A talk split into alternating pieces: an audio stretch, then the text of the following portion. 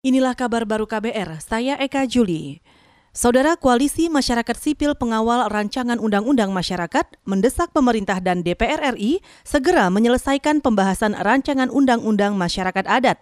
Saat peringatan Hari Masyarakat Adat Sedunia kemarin, Direktur Eksekutif LSM Lingkungan Walhi Nur Hidayati menyebut rancangan undang-undang itu mendesak disahkan untuk memberi perlindungan kepada masyarakat adat. Alasannya, ruang hidup masyarakat adat terancam lantaran lingkungan yang mereka gunakan untuk bertahan hidup mulai tergerus dengan adanya pembangunan yang masif. Semuanya digilas atas nama pembangunan dan modernisasi yang berakibat masyarakat-masyarakat adat ini kemudian terampas ruang hidupnya, terusir dari tanahnya, dan tercerabut dari akar budayanya. Nah, ini yang kemudian eh, menurut kami menjadi sangat penting kita negara ini melakukan revitalisasi kembali, mengakui kembali hak-hak masyarakat adat dan mengembalikan hak-hak tersebut kepada masyarakat adat. Direktur Eksekutif Walhi Nur Hidayati menegaskan, pemerintah seharusnya menjaga dan melindungi keberadaan masyarakat adat. Sebab dengan kearifan masyarakat adat menjaga alam dan lingkungan menjadi upaya mempertahankan ekosistem dan kelestarian hidup yang ada di tanah air.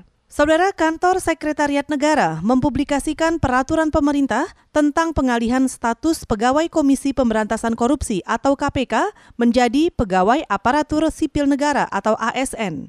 Peraturan pemerintah itu ditandatangani Presiden Joko Widodo pada 24 Juli lalu dan diundangkan tiga hari kemudian. Peraturan pemerintah itu menyebutkan pengalihan status pegawai KPK harus memenuhi syarat dan tahapan tertentu, termasuk kesesuaian kualifikasi dan kompetensi pegawai KPK.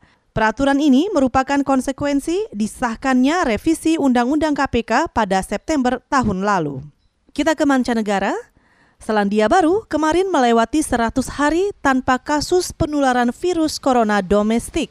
Kementerian Kesehatan Selandia Baru mengatakan saat ini hanya ada 23 kasus aktif COVID-19 yang dirawat di fasilitas isolasi.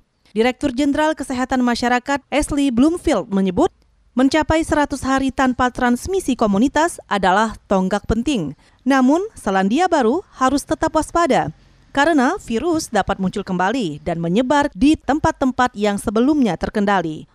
Bloomfield menyarankan siapa pun dengan gejala COVID-19 harus berkonsultasi dengan tenaga kesehatan dan tinggal di rumah.